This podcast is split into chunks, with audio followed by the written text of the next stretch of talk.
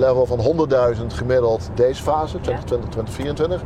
Maar die gaat dan naar een miljoen per bitcoin uh, in de volgende fase. Fase 5 is misschien de oorlog, ja. uh, waarbij alles kapot gaat. Wat blijf ik hangen in dit, in dit ja, onderdrukkende regime? Of ga ik verder en, en verhuis ik gewoon? Welkom bij de podcast Madelon Navigeert. Als je interesse hebt in economie, bitcoin of in financiële markten, dan zit je hier goed. Mijn naam is Madelon Vos en ik maak sinds 2013 content over deze onderwerpen. Ik vind het geweldig om mijn kennis te delen met anderen en ik doe dit dan ook volop. In de vorm van video's op het YouTube kanaal Madelon Vos, in de vorm van cursussen op madelonvos.nl en via mijn Instagram stories. In Madelon Navigeert spreek ik bekende economen, journalisten en analisten. En met hen praat ik over geld, de economie en de toekomst. Om op deze manier jou te inspireren en je bewust te maken van het belang van je financiële gezondheid. Ik neem je mee op een bijzondere reis. Langs sparen en investeren, langs inflatie en deflatie, langs kopen of huren en langs winst of verlies. In het bijzonder wil ik graag onze sponsoren Bitvavo en Gold Republic bedanken voor het mede mogelijk maken van deze content. Welkom bij deze aflevering van Madelon Navigeert. Mijn naam is Madelon Vos en vandaag ben ik onderweg naar Plan B. En plan B is onder andere bekend van het stock-to-flow model, waar we het in de voorgaande twee afleveringen natuurlijk uitgebreid met hem over gehad hebben. Maar er is meer, want zoals je waarschijnlijk wel weet, gebruikt Plan B veel meer modellen dan enkel en alleen het stock-to-flow en het stock-to-flow cross asset model. Daar gaan we het vandaag over hebben, want een van deze modellen die heeft zijn target niet gehaald. Dat was namelijk het floor model. Hoe belangrijk is dat en wanneer zijn die modellen nou wel of niet valide? Daar zullen we het vandaag eh, uitgebreid over gaan hebben. En ook kijken we iets verder dan enkel en alleen naar de Bitcoin koers, want Plan B is er nog steeds heilig van overtuigd dat het goed gaat komen met die koers. Maar hoe ziet de toekomst er dan uit? In wat voor wereld leven we dan? We zitten momenteel midden in een storm. En de vraag is wanneer deze storm overwaait en hoe de wereld er dan uitziet. Daar gaan we vandaag dieper op in. Ik heb er in ieder geval super veel zin in. Ik vind het zelfs een beetje eh, spannend. Maar goed, we gaan eh, lekker richting plan B rijden. En rij gezellig met ons mee. Vergeet niet om alvast even op die duim te klikken als je dit een leuke video vindt. En ik zie je graag straks terug. Dag! Zo, goedemiddag. Hi Madelon. Hallo, Mr. Plan B. We zijn er weer. Zeker, zeker. In, inmiddels een, uh, een jaar verder na de vorige opname. En uh, er is een hele hoop gebeurd. Dat kan je wel zeggen. 2021 was een bewogen jaar. en uh, niet alleen op Bitcoin-gebied. Hoewel, ik, volgens mij de vorige keer dat wij in de auto zaten, was de prijs zo rond de 20, iets eronder. Ja, iets onder de 20. Volgens mij steeg die de dag dat wij de opname hadden van uh, ongeveer 18.000 naar uh, iets meer dan 19,5. En ja, dat was een mooie dag. En daarna bleef de koers verder stijgen. Maar ik kan me nog herinneren dat jij die dag zei: mensen hebben geen idee wat er aankomend jaar gaat gebeuren. Nou had ik dat ook niet helemaal natuurlijk, maar ik had wel het gevoel dat er iets eh, zou gaan gebeuren. In ieder geval met de prijs. En dat, dat is inderdaad ook wel gebeurd. Ja. Als we kijken naar uh, vanaf die 20.000 is hij natuurlijk rap doorgeschoten naar uh, eh, 60.000. En zelfs daarboven uh, zo rond mei, april. En daarna is hij ook weer rap naar beneden gegaan. Ja, absoluut, absoluut. Gehalveerd zelfs. Uh, en, waarbij sommige mensen ook dachten dat dat niet meer voor zou komen. Dat mhm. soort volatility. Want even voor mijn beeldvorming. Hè. Uh, wij zaten in de auto uh, in december. En daarna begon die koers langzaam te stijgen. Steeds verder, steeds verder. Totdat we ergens begin vorig jaar een, een nieuwe... Of een nieuwe all-time high. Echt een duidelijke all-time high zetten. Iets boven de 60.000 dollar. Daarna zakte de koers weer wat terug. Maar het feit dat je überhaupt al aan zag komen dat die koers dusdanig hard zou stijgen, dat, dat zegt wel iets. En dat moet ook wel de nodige emotie met zich meebrengen, denk ik zo. Ik was heel blij dat het gebeurde. Ja. Uh, want het is toch wat het model, het stock-to-flow model ook wel voorspelde. Ja, ja en nou, niet dat dat model heilig is, maar het is toch heel leuk als je ziet dat dat uitkomt. En uh, daar zaten we wel allemaal op te wachten. En ook eigenlijk toen we vorige keer al in de auto zaten, die dan heeft hij de hele tijd op 10.000 gestaan. Ja. Is hij naar 20.000 gaat. Dus er zat al beweging in. Maar dat hij nou echt zo fors Dus eigenlijk eh, eh, een 6x ten opzichte van eh, die 10.000 Ja. waar die heel, heel veel jaar op heeft gehangen. Dat is wel heel, ja, voor mij was het natuurlijk extra leuk om te zien. En, Absoluut. ja, En even voor een beeldvorming, hè? Want toen, toen wij hier in de auto reden, en volgens mij was het net, net een stukje verder, toen zei jij, ja, ik zit momenteel nog in plan A. En ik denk erover na om eventueel naar plan B over te stappen. Inmiddels is dat gebeurd. Wat is de reden voor jou geweest om toch te besluiten fulltime actief te zijn in, eh, in plan B? ja in, eh, per 1 maart ben ik uit plan A naar plan B gegaan. Ja. En eh, nou, dat is de beste beslissing ooit. En die zat er natuurlijk ook wel een beetje aan te komen. Ja. Omdat ik zo ja, met bitcoin bezig ben. Zo ja, daar mijn, mijn passie heb. En ik vind je moet je passie altijd volgen. En, eh, het heeft ook geen zin om dan half-half dingen te gaan doen, vind ik. Ja. En ik had natuurlijk ook eh, door de koers de mogelijkheid om dat te doen. Ja. En, ehm, Het was wel een en-en, een samenloop van omstandigheden. samenloop van omstandigheden. Ik heb overigens bij mijn oude werkgever, ehm, wa- wat topwerk was en wat nog steeds, hè, dat was ook beleggen. Eh, alleen in andere assets. Ja. Wat saaiere assets, wat klassiekere assets, maar nog steeds hele, hele gave assets om in te beleggen. En ik heb daar ook ehm, een voorstel gedaan over hoe ze met Bitcoin eh, kunnen starten. Dus eh, dat hoeft niet gelijk met een groot fonds of met heel veel geld, maar zet een research desk op. Ga eens wat eh, connecties Ja. opdoen. Want de- jij stelde toen nog, ik wil heel graag de brug slaan ja, tussen plan A en tussen plan B. Maar dat is dan misschien niet helemaal gelukt, begrijp ik hieruit. Nou, niet daar. Hoewel al mijn collega's daar op die investment office eh, persoonlijk bitcoin hadden. Dus dat, dat dan weer wel. Maar, eh, maar zakelijk is dat, en dat wist ik ook wel hoor, heel erg lastig voor een bedrijf dat onder toezicht staat van Ja. de DNB. Dus eh, vooral banken en, en grote verzekeraars, dat, is- dat is gewoon heel erg lastig. Ehm, ook omdat je met geld van anderen bezig bent. Dus die brug, ik denk dat die daar wat minder geslagen is. Maar vandaar ook de sprong naar Naar plan B? plan B. Want ik praatte natuurlijk toen al heel veel met fondsen, hedge funds, family offices. eh, die, eh, ja, die wel die, eh, die sprong hebben, hebben kunnen maken ook. En die wel behoefte hadden aan gesprek en Ja. aan modellen en aan, nou ja, een, een, een plan B. Dus, Dus ondanks dat het niet gelukt is op de plek waar je het graag had willen doen in de eerste instantie, is het wel gelukt op tal van andere Ja, eh, plekken om die brug te slaan. ja, ja, en ik spreek nog bijna dagelijks met fondsen, eh, family offices. ehm, ook podcasten met family office associations. Ja. Eh, en, en ik vind het, ja, heel veel quants natuurlijk, want dat is toch ook een beetje mijn passie. Ja. Ik wil graag leren.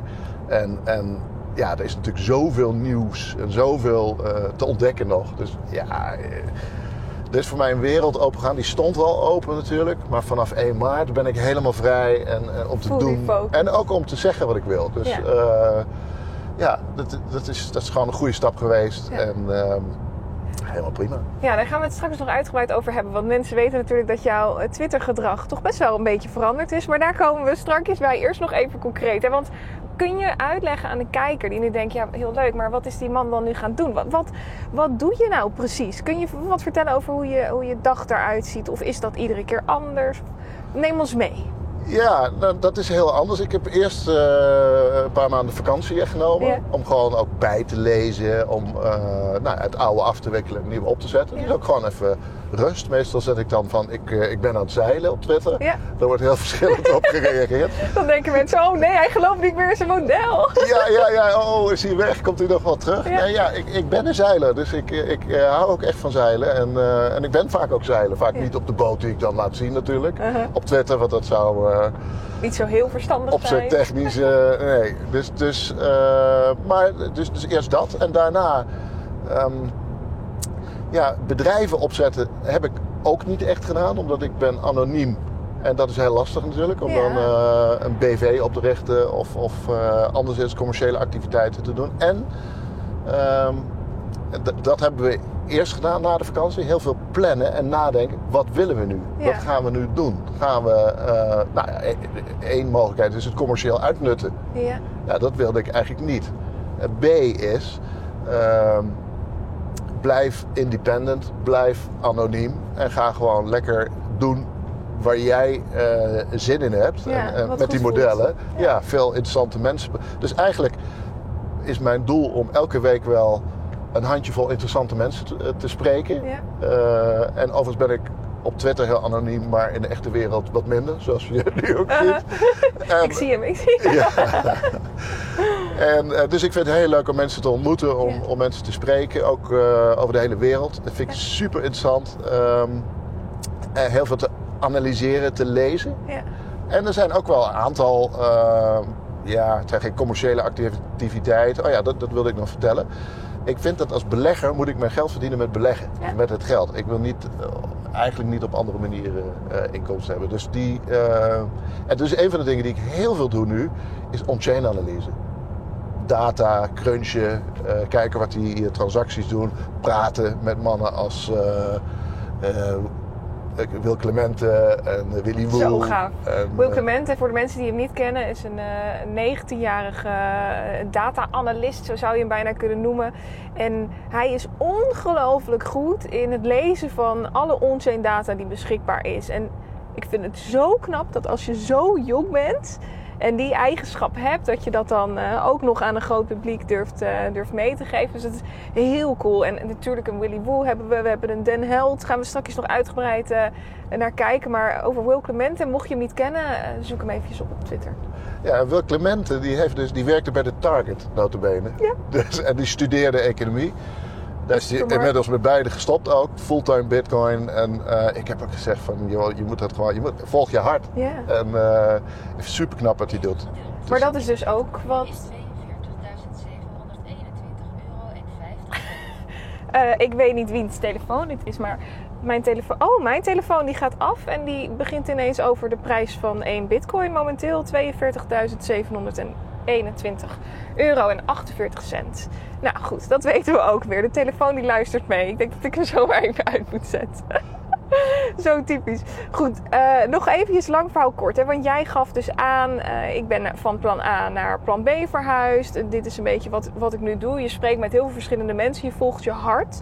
Ehm, en het enige wat jij doet is dan focussen op één model? Of zijn dat dan meerdere modellen? Meerdere modellen. Ja. En, eh, dus wij, nou ja, we hebben echt een, een groep quants nu die eh, regelmatig bij elkaar komt, die modellen ontwikkelt, Ja. die ook eh, investeert. Dus Ja. die, ja, noem het, trading algo's maakt, die 24/7 eh, staan te stampen en kopen en aankopen op verschillende beurzen via- via verschillende platformen. Dat is echt een, nou ja, je zou het een bedrijfje kunnen noemen, maar het, het is meer een, ja, een, een autonoom fonds en Ja. waar we ideeën uittesten. Dus of het, eh, eh, of het werkt of niet in de real eh, life. Dus ja, en ja, dat ene model waar ik bekend ben geworden ben, Stock to Flow, dat, dat is een heel fundamenteel model. Ook een heel simpel model. Ja. Het is een soort eerste fundamentele ja, basis onder de waardering van Bitcoin. Voor mij en inmiddels voor, voor heel veel mensen Heel die het model kennen. Maar als ik je zo hoor praten, dan klinkt het bijna alsof je het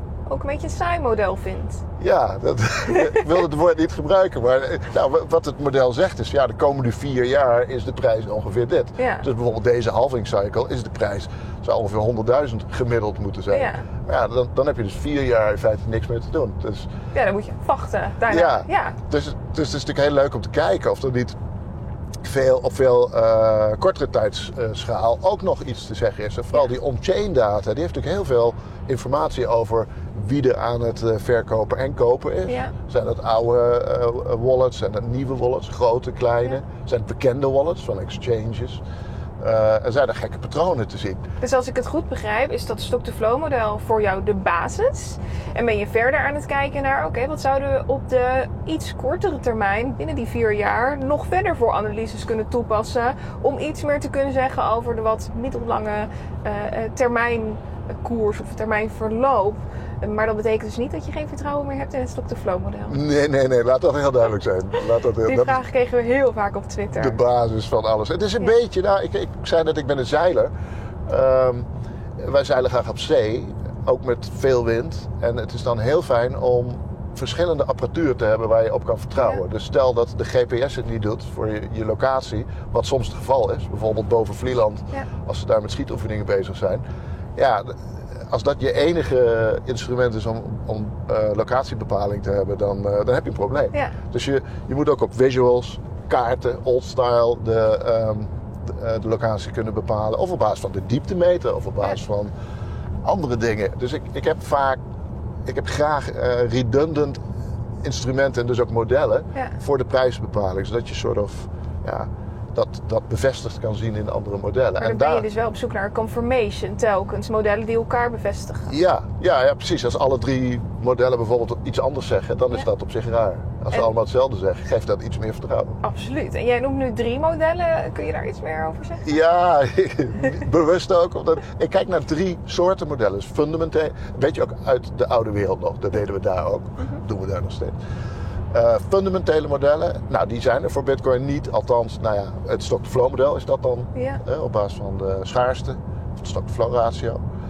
Ehm, dat is de fundamentele view. Mocht je nu denken, het stock-to-flow model, wat is dat? Check dan even de video die hieronder staat. Ik heb al eerder een video met plan B opgenomen waarin we daar echt mega de diepte op ingaan. Dus ik raad je aan om die dan even te bekijken. Het stock-to-flow model, zei jij? Ja, stock-to-flow model is één. En dan eh, twee is on-chain. Ja. kijken wat er in de transactiedata, die uniek is voor Bitcoin. Want dat heb je nergens. Geen enkele andere asset kan je zo goed de, alle transacties ja, analyseren. Dus dat is echt een, een nieuwe wetenschap ook eh, die daar ontstaan is.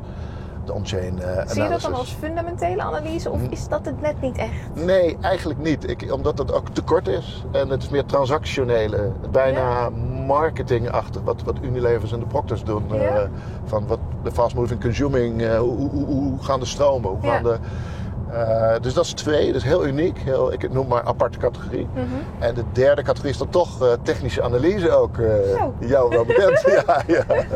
nou ja, technische analyse. We hebben het de vorige keer ook over gehad. Ja. Er wordt altijd een beetje schampen over gedaan door professionele beleggers. Want die willen fundamenteel en die willen Mhm. econometrisch en bla bla bla. Maar welke dealing room- je ook opkomt, overal staan natuurlijk eh, de moving averages en de. RSI'tjes en de streepjes. En de, ja. dus Maar dat iedereen... is het dus wel statistisch. Dus het is eh, niet de objectieve analyse, maar de subjectieve eh, Ja. analyse. Ja, Eh, andersom. Andersom, Ja. precies. Ja, dus eh, de, de data die je eruit krijgt, daar heb je geen mening over. Dat is gewoon zo. Ja, en het geeft dus ook aan van nou, ehm, dit is waar we staan. Dit is, dit is, het geeft een beetje context over waar we zijn. Misschien nog meer dan dat het voorspellend is. Ja. Hoewel het soms natuurlijk ook wel voorspellend is. Eh, Want je kan kijken, eh, wat gebeurde de laatste keer Ja, dat hoe die vaak is dit in het verleden gebeurd en kunnen we dat extrapoleren? Ja, en daar eh, doe ik het wel iets anders. Want dat is wel echt voor mij cruciaal. Dat ik doe technische analyse in de zin van dat computers het kunnen simuleren. Dus de computer zet de streepjes of maakt de analyses. Of ik geef natuurlijk de opdracht. Maar, en dan backtesten we dat over Ja. 1, 3, 5, 10 jaar. Doet hij het? Dus, dus er komt toch nog een statistisch componentje bovenop. Ja, En, ehm, en dat is hartstikke leuk om te zien. Ehm, en, en die drie, dus fundamenteel, on-chain, Technisch ja. Dat is mijn view op de wereld. Eigenlijk zit er ook nog macro-economisch bij. Dus, maar dat, ja, dat is wel echt subjectief. ja enorm. Eh, en daar gebeurt natuurlijk heel veel eh, geopolitiek en macro-economisch. Ja. Maar het is toch ook wel heel interessant hoe de correlatie is met een, met een equity market of met Absoluut. rentes Absoluut. eh, zijn. En die, dat zijn ook hele leuke gesprekken met eh, institutionele beleggers. Maar dan kijk je dus ook naar de verhouding van een koersbeweging van Bitcoin ten opzichte van andere markten, als ik het goed Ja. begrijp. Juist dat, ja. Dus als bijvoorbeeld een goud omlaag gaat of een aandelenmarkt omlaag gaat, dan kijk je hoe reageert Bitcoin daarop en kunnen we daar eh, wat over zeggen? Moet, moet ik het zo voor me zien? Ja, ja. En eh, daar bijvoorbeeld is eh, opgevallen veel mensen dat ehm, de rente in Amerika, 10 jaar rente, ongeveer gelijk beweegt met bitcoin. Ja. En dat, dat is, ja, is dat dan toeval of is, is dat een toevalscorrelatie? Of, Ja. of is dat echt iets? En ja, mijn vermoeden is dat daar toch wel meer achter zit dan alleen toeval. Super interessant. Ja, super interessant. En even kijken hoor, want we, je, je hebt nu drie onderdelen benoemd hè.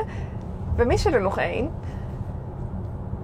Ja, misschien missen we er wel, meer. Ik mis het floor model. Het oh, dat is onderdeel van de technische analyse. Dat is onderdeel van de technische analyse. Ja, Oké. dus daar zit de RSI in, de moving average, Ja. het floor model, wat ook een soort van moving average is. Ja. En ehm, ik, ja, ja, Het floor model is dus een soort van eh, eh, meebewegend eh, gemiddelde, om het zo maar te noemen. En dat zou dus eigenlijk een soort bodem Ja. Moet eh Correct. En ik heb, dat, ja, het, ik heb het nog niet gepubliceerd wat Ja. het precies is, of de formule erachter. Dat Mhm. wil ik eigenlijk wel doen. Ja, Dus daar misschien de kerstvakantie maar eens eh, voor gebruiken. Want het kost toch altijd tijd om dingen op papier te zetten. absoluut. Ehm, en, eh, en vooral ook omdat het model nu nou ja, wat moeite heeft. En eigenlijk vorige maand echt wel heel erg fout zat. Ja, Heel erg verkeerd zat. En dat was op zich ook interessant, hè? dat is ook een signaal. absoluut. Dus een, een- laten we even net doen alsof het eh, een, een 200 eh, week moving average is. Een Mhm. gewone normale. Als die, die is nog nooit naar beneden gegaan. Dus dat- die stijgt al jaar in jaar uit al tien jaar lang. Ja. Stel dat Dus die, die nou een keer komt steeds hoger te liggen. die komt steeds hoger te liggen. Stel nou dat op een dag die toch, naar na- toch daalt. Dat is echt wel een ding. Ja, Nou, in, in diezelfde context is, is dit ook een ding. Dat, dit floormodel. Dat is ook voor het eerst dat dat gebeurt. Dus ik weet nog niet wat dat betekent. Nee. Ik heb gezegd op Twitter, en zo zie ik het ook echt.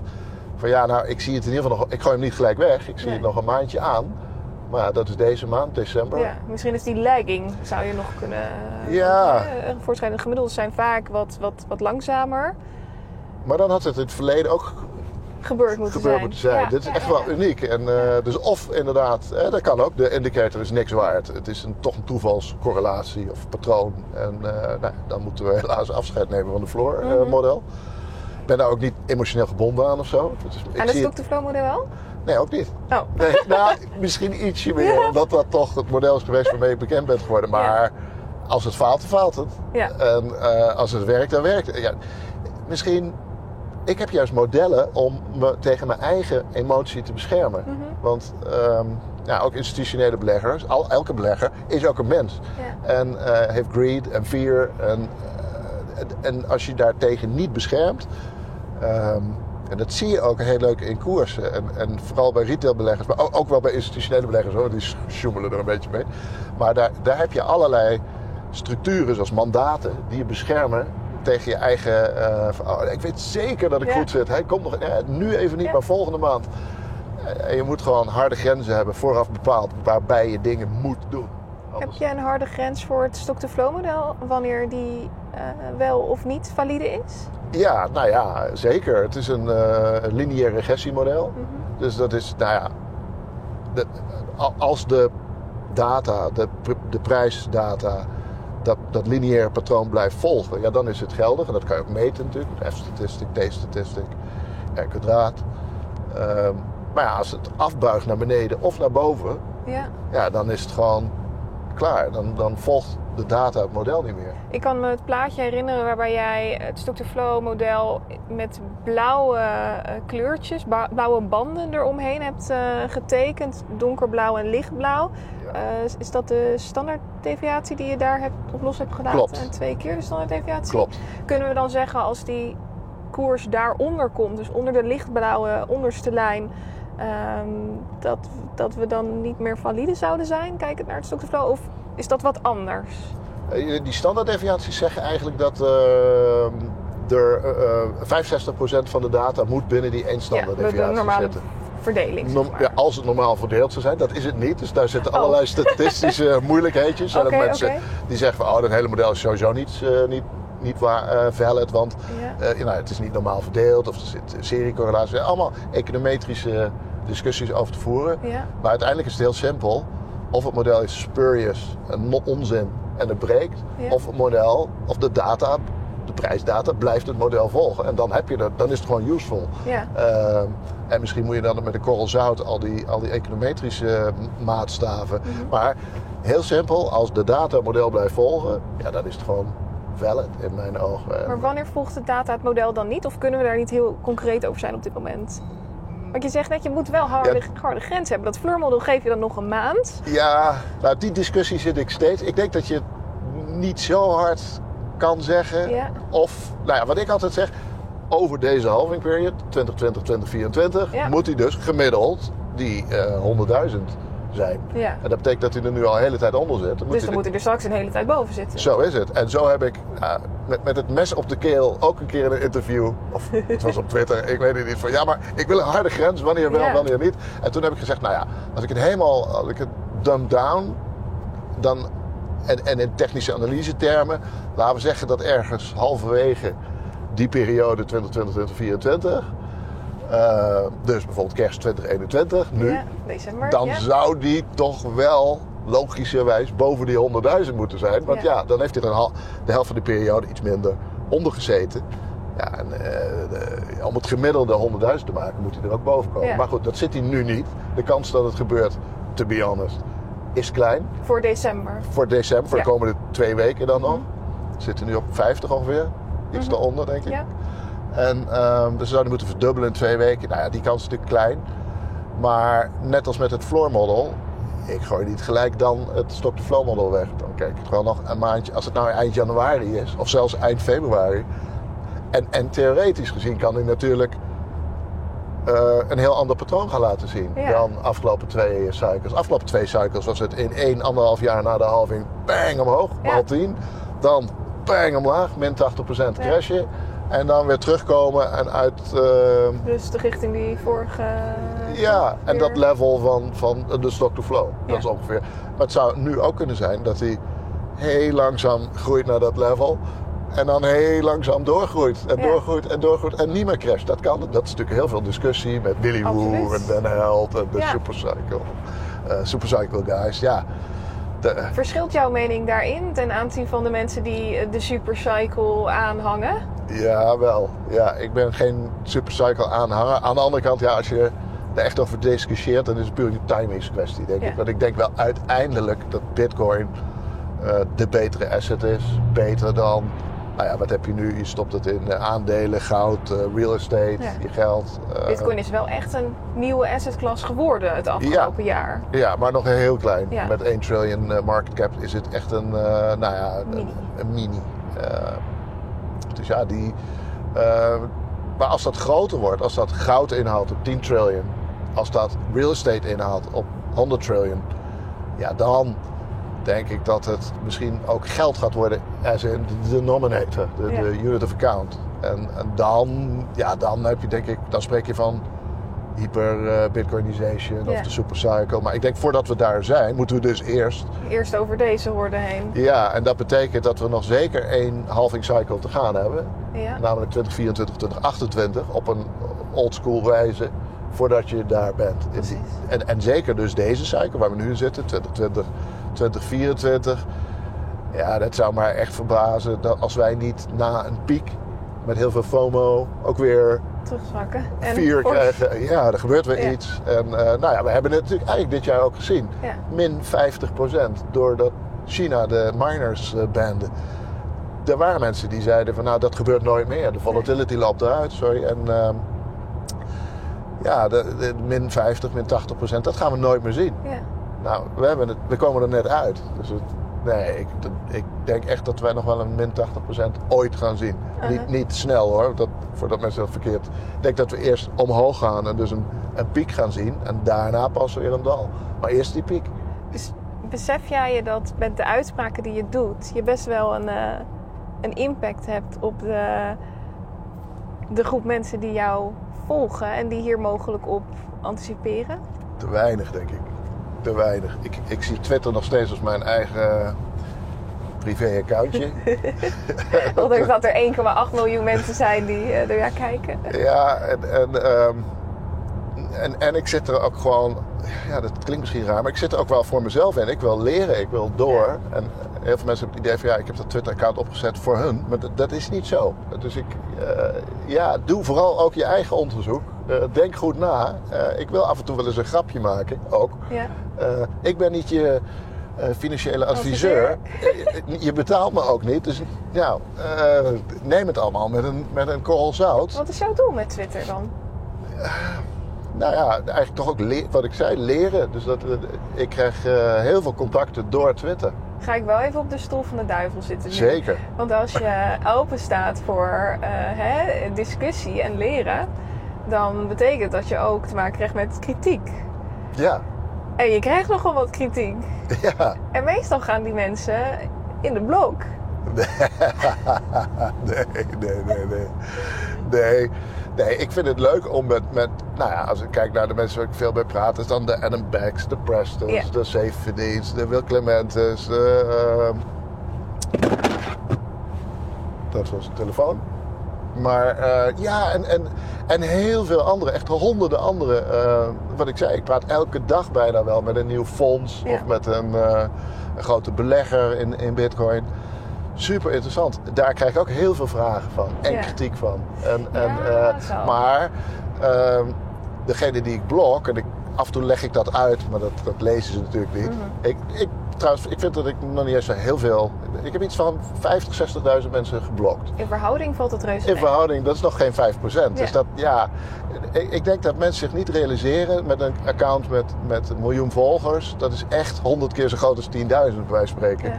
Daar, daar, daar komen 100 keer zoveel comments, 100 keer zoveel direct mails als je die open hebt staan.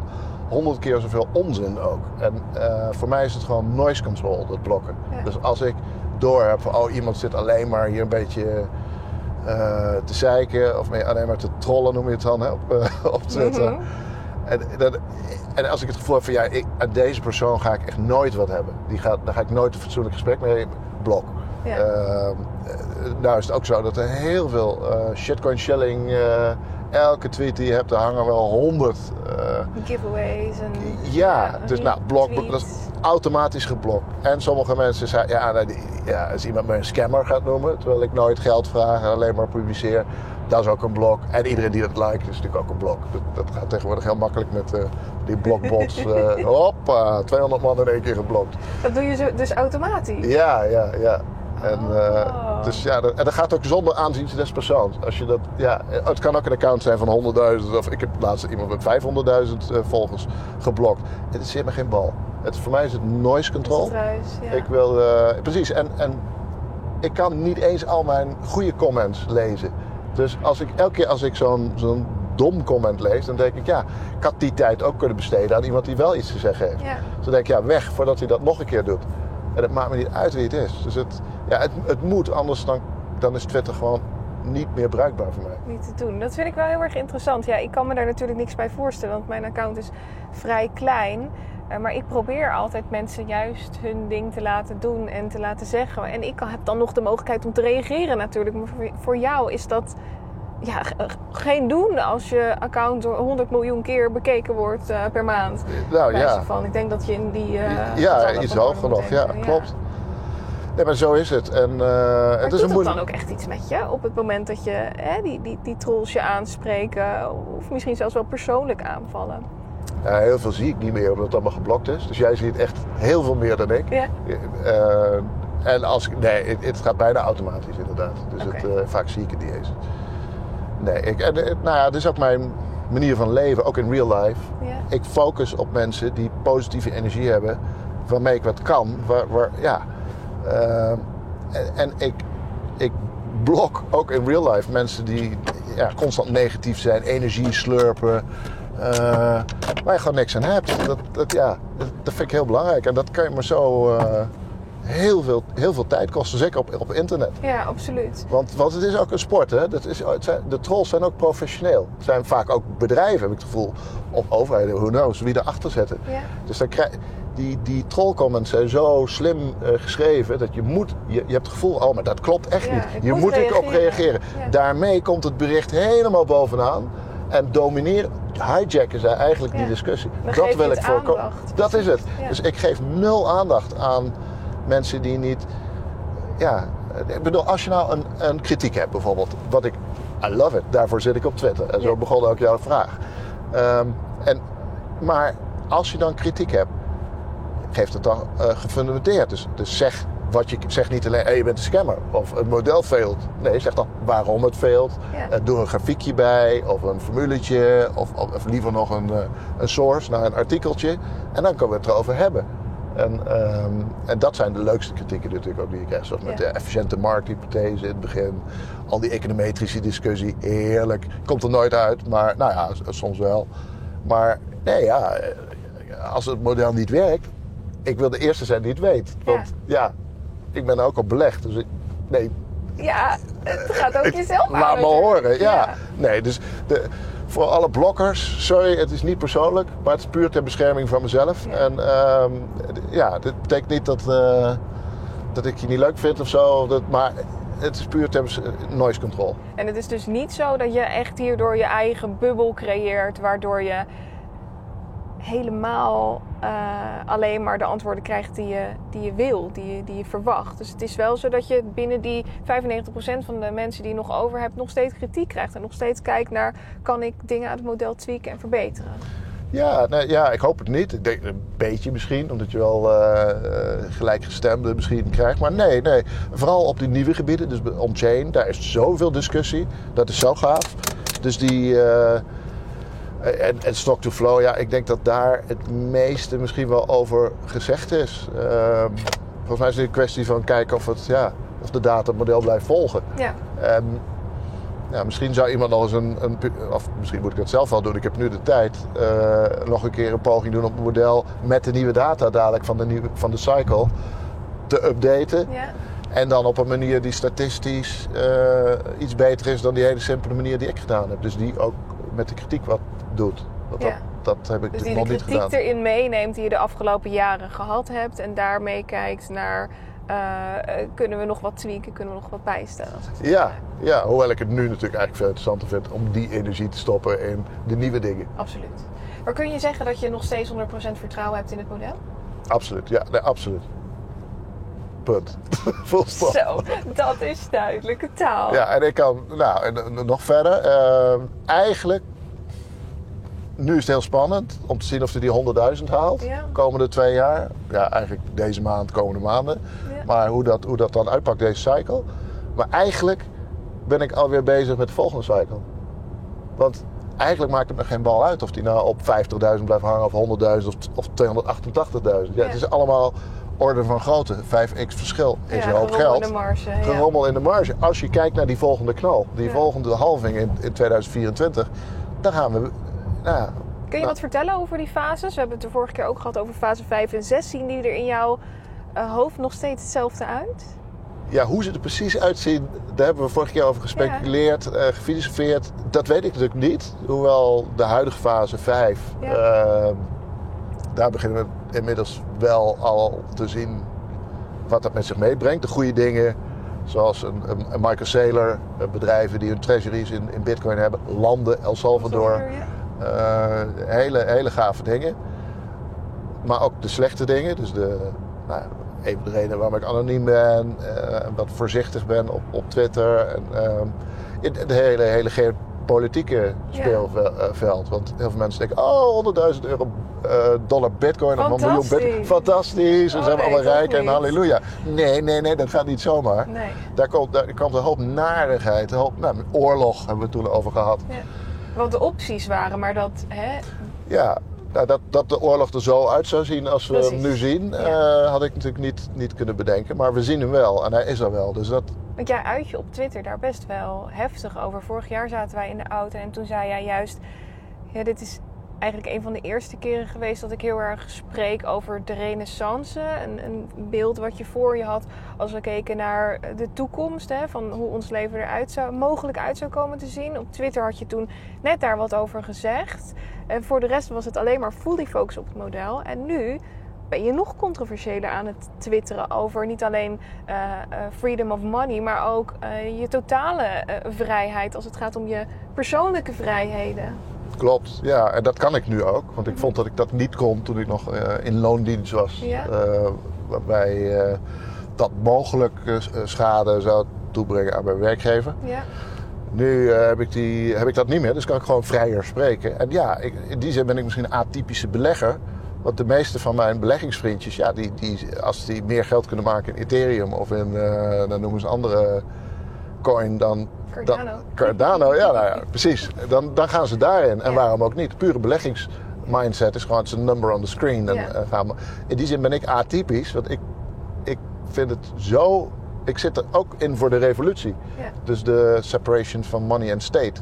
Zoals de eh, religion and state separation er eh, honderden jaren geleden was. En dat vind ik super interessant. ja. En, en daar wil ik mijn steentje voor bijdragen. Want ik denk dat daar inderdaad de echte winst zit voor de wereld. Dus voor ja, de, de nieuwe renaissance eh, noemde ik het toen. En ik denk dat dat nog steeds wel een mooie term is. Want eh, die scheiding van, van wetenschap of van religie en staat heeft geleid tot dat de wetenschap, hè, want dat was eigenlijk de, de van de wetenschap, ehm, wat tot dan toe onderdrukt werd door, eh, door de kerk. Ja. En, en eh, de aarde was, pla was, was plat, er mocht niet bol zijn en, en, en dit en dat. Maar toen dat gebroken was, of toen, die, toen is die wetenschappelijke golf, die renaissance inderdaad, die heeft zoveel gebracht. En ik denk dat wij aan de vooravond staan van nog zo'n golf. Alleen dan vrijheid van, nou niet kennis, wetenschap, maar van, van geld. Ja. Dus dat je wel alles kan funden wat je wil. Dat, dat je op microniveau kan funden. Dat, dat, dat de druk, die, zoals die dat toen was met religie. eh, en nu er is met, met geld, door het IMF. Met, nou, de El Salvador, kijk naar El Salvador, dat vind ik zo'n interessante case. Hoeveel druk die vanuit de IMF en, politiek en, en diplomatiek krijgen. Ja, de World Bank. Ja, ja, ja, zeker. Maar er wordt heel erg op hun gepusht. Want zij hebben natuurlijk leningen eh, uitstaan bij verschillende partijen. En dan spreken we over miljarden. En dan is het misschien mogelijk straks zelfs aan de Bitcoin community om dat op te lossen. Dat is natuurlijk in mijn optiek, ik heb het ook wel eens vaker in de video's herhaald, dat is een prachtige case. Omdat je dan kan kijken naar bijvoorbeeld obligaties die lopen op, eh, op de vulkaan die bitcoins aan het minen is. Waarbij de bitcoiners mee kunnen doen aan het funden van een, van een land, bij wijze van spreken. Op het Ja. moment dat de, eh, het IMF ze zoveel druk op zouden leggen en dat geld terug zouden willen. Ja, precies. En, en in die zin, ik vind eh, ehm, science fiction altijd wel leuk. Als in ehm, Star Wars, en, maar ook de, de trilogie van Asimov. Ja. eh, de Foundation trilogie bijvoorbeeld. Heel veel bitcoiners vinden dat leuk. Ja. Maar dan zie je dus ook niet landen of werelddelen, maar planeten. Daar zie je datzelfde spel dan terugkomen. En dan heb je de traders en de... Nou, dus ik denk dat wij in, in, in de zin van fases nog maar aan de vooravond staan van allerlei gigantisch belangrijke fases voor de komende honderden jaren. Ja. dat vind ik minstens zo interessant dan het geld. Ik denk misschien dat je daar ehm, na een aantal succesvolle beleggingsjaren eh, kan je wel weer een keer hetzelfde gaan doen. Maar is dat ook heel leuk om naar te kijken. Dus in die zin ben ik een atypische belegger. Dus het is een en-en. Het gaat je niet alleen maar om het spelletje. Hè? Het geld maken, dat is hartstikke leuk. Maar als er ook nog iets fundamenteels bij komt als de vrijheid om, om je eigen geld te kiezen en alles wat daarbij komt kijken, dan is dat ook wel heel Ja. erg tof. Nou, zeker. En in die zin praat ik dus ook niet alleen met beleggers, maar ook met politici. En ook Nederlandse politici. Vooral Amerikaanse politici.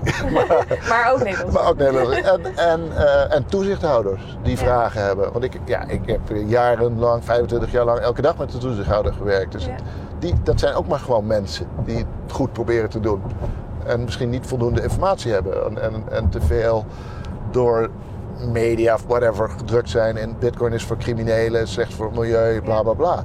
Ja, als je daarin gevangen zit, dan kom je, dan kom je nooit verder. En, en ik wil best graag uitleggen wat mijn reis is geweest. Ja. Vanaf de whitepaper naar wat het nou, hoe simpel het eigenlijk is, hoe mooi het is. Wat is het dan waar politici voornamelijk geïnteresseerd in zijn op het moment dat je met ze praat? Of verschilt dat enorm?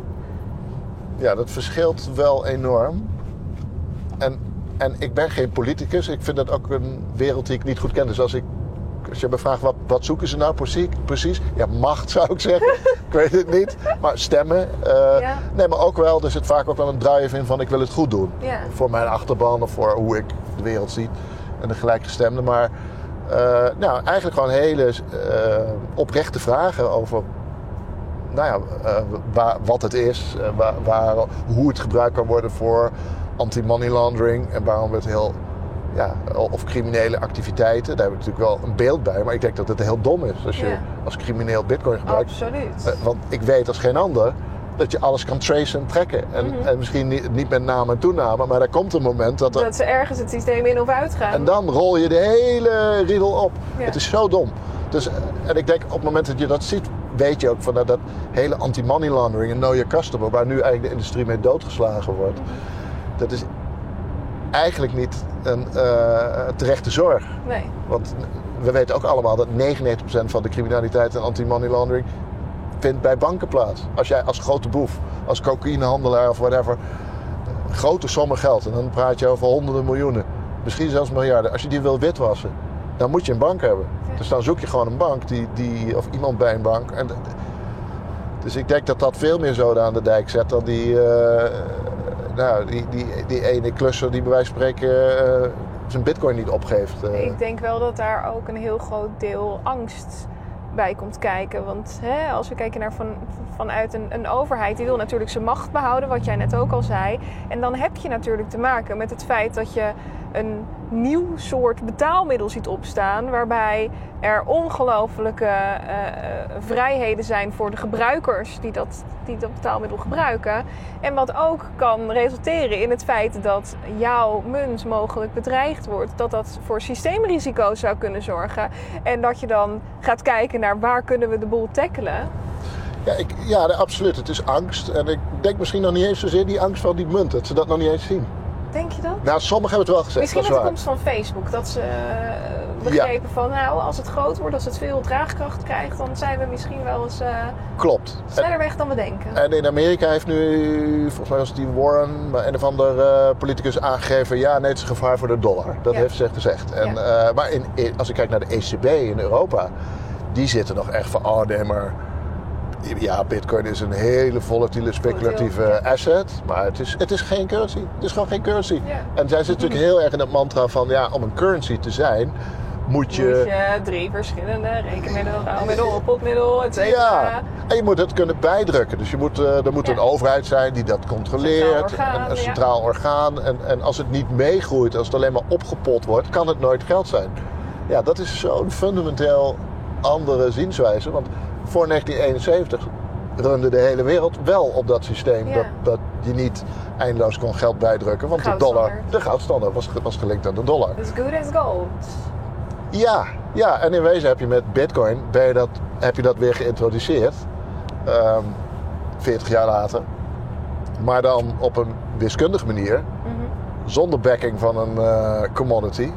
Eh, en zon, ja, op een manier dat het niet ehm, te corrupt is door, Ja. de, door de overheid. Dus het, ja, het, het is wel een, het was een hele fundamentele discussie. vind ik ook super gaaf. Absoluut, absoluut. Ik ben nog heel even benieuwd hè, naar eh, het, het verhaal wat je, wat je net vertelde ten aanzien van hè, je Twitter-gedrag. Dat je toch wat meer de diepte in durft te gaan over je eigen visie en je eigen mening. We weten natuurlijk dat we in een hele bijzondere periode leven waar veel over te zeggen valt. Maar wat wij, mij heel erg opvalt is dat je er behoorlijk fel in durft te gaan.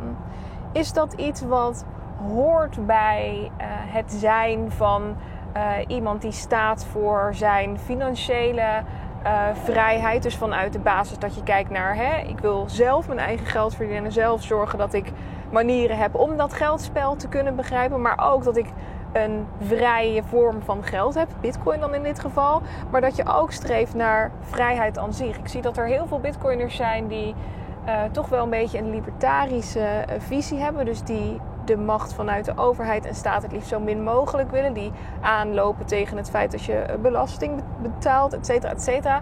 Eh, is dat iets waar jij je op dit moment onder zou scharen of waar je je zorgen over maakt dat eh, je vrijheden steeds meer ingeperkt worden? Als ik enkel en alleen zou Ja. kijken naar, jou, naar, naar je Twitter-gedrag, is dat de analyse die ik zou maken. Ja, eh, ik ben geen libertijn, wel een liberaal. Ja. Dus ik geloof in een kleine, efficiënte overheid. Niet in dat de overheid alles moet gaan doen. Mhm. Eh, is geen socialist, geen communist. Een beetje aan die re- rechterkant noemen ze dat dan. hè. Ja. Eh, maar ja, ik denk twee punten. De eerste is, er is wel een link tussen wat er nu gebeurt in Phase 5...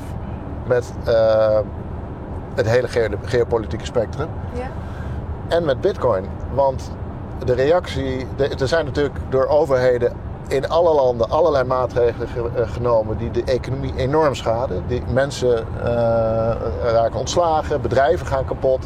ehm, enorm veel schade. Ja. En ehm, dat proberen ze natuurlijk wel nog een beetje eh, gaande te houden door geld te printen.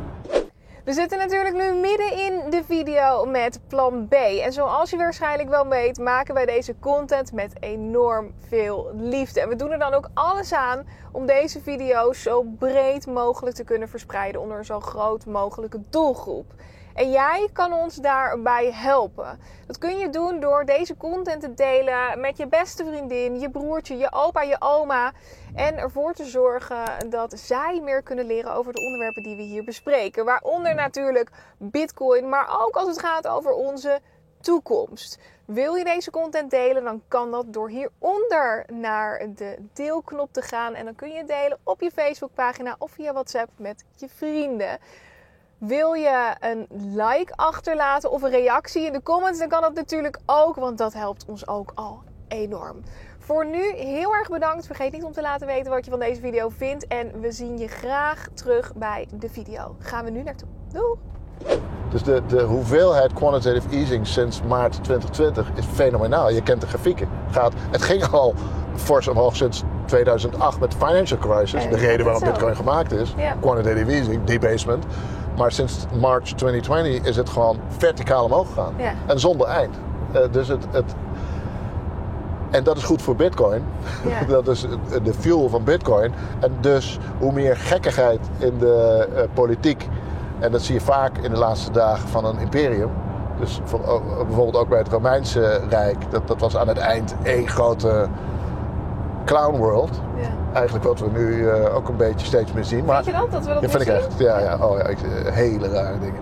En, ehm, maar goed, dat- dat geld drukken hoort daarbij. Want anders kunnen ze dat niet volhouden. Je kan niet alle restaurants dichtgooien, alle bedrijven sluiten. Iedereen moet van huis werken. En nou, eh, de meest waanzinnige maatregelen elke maand weer uitstrooien over iedereen. Over de hele wereld. En dan ja, dat zonder gevolg laten zijn. Dus dat proberen ze nog een beetje. Ja, in feite hangt iedereen nu aan het infuus van de, van de ECB Ja. in Europa en de Fed, van de centrale bank en de overheid.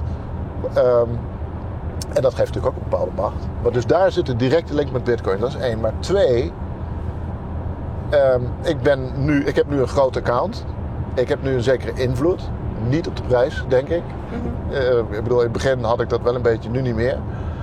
Omdat Bitcoin te groot Ja, is? Bitcoin is sneller gegroeid dan ik, gelukkig.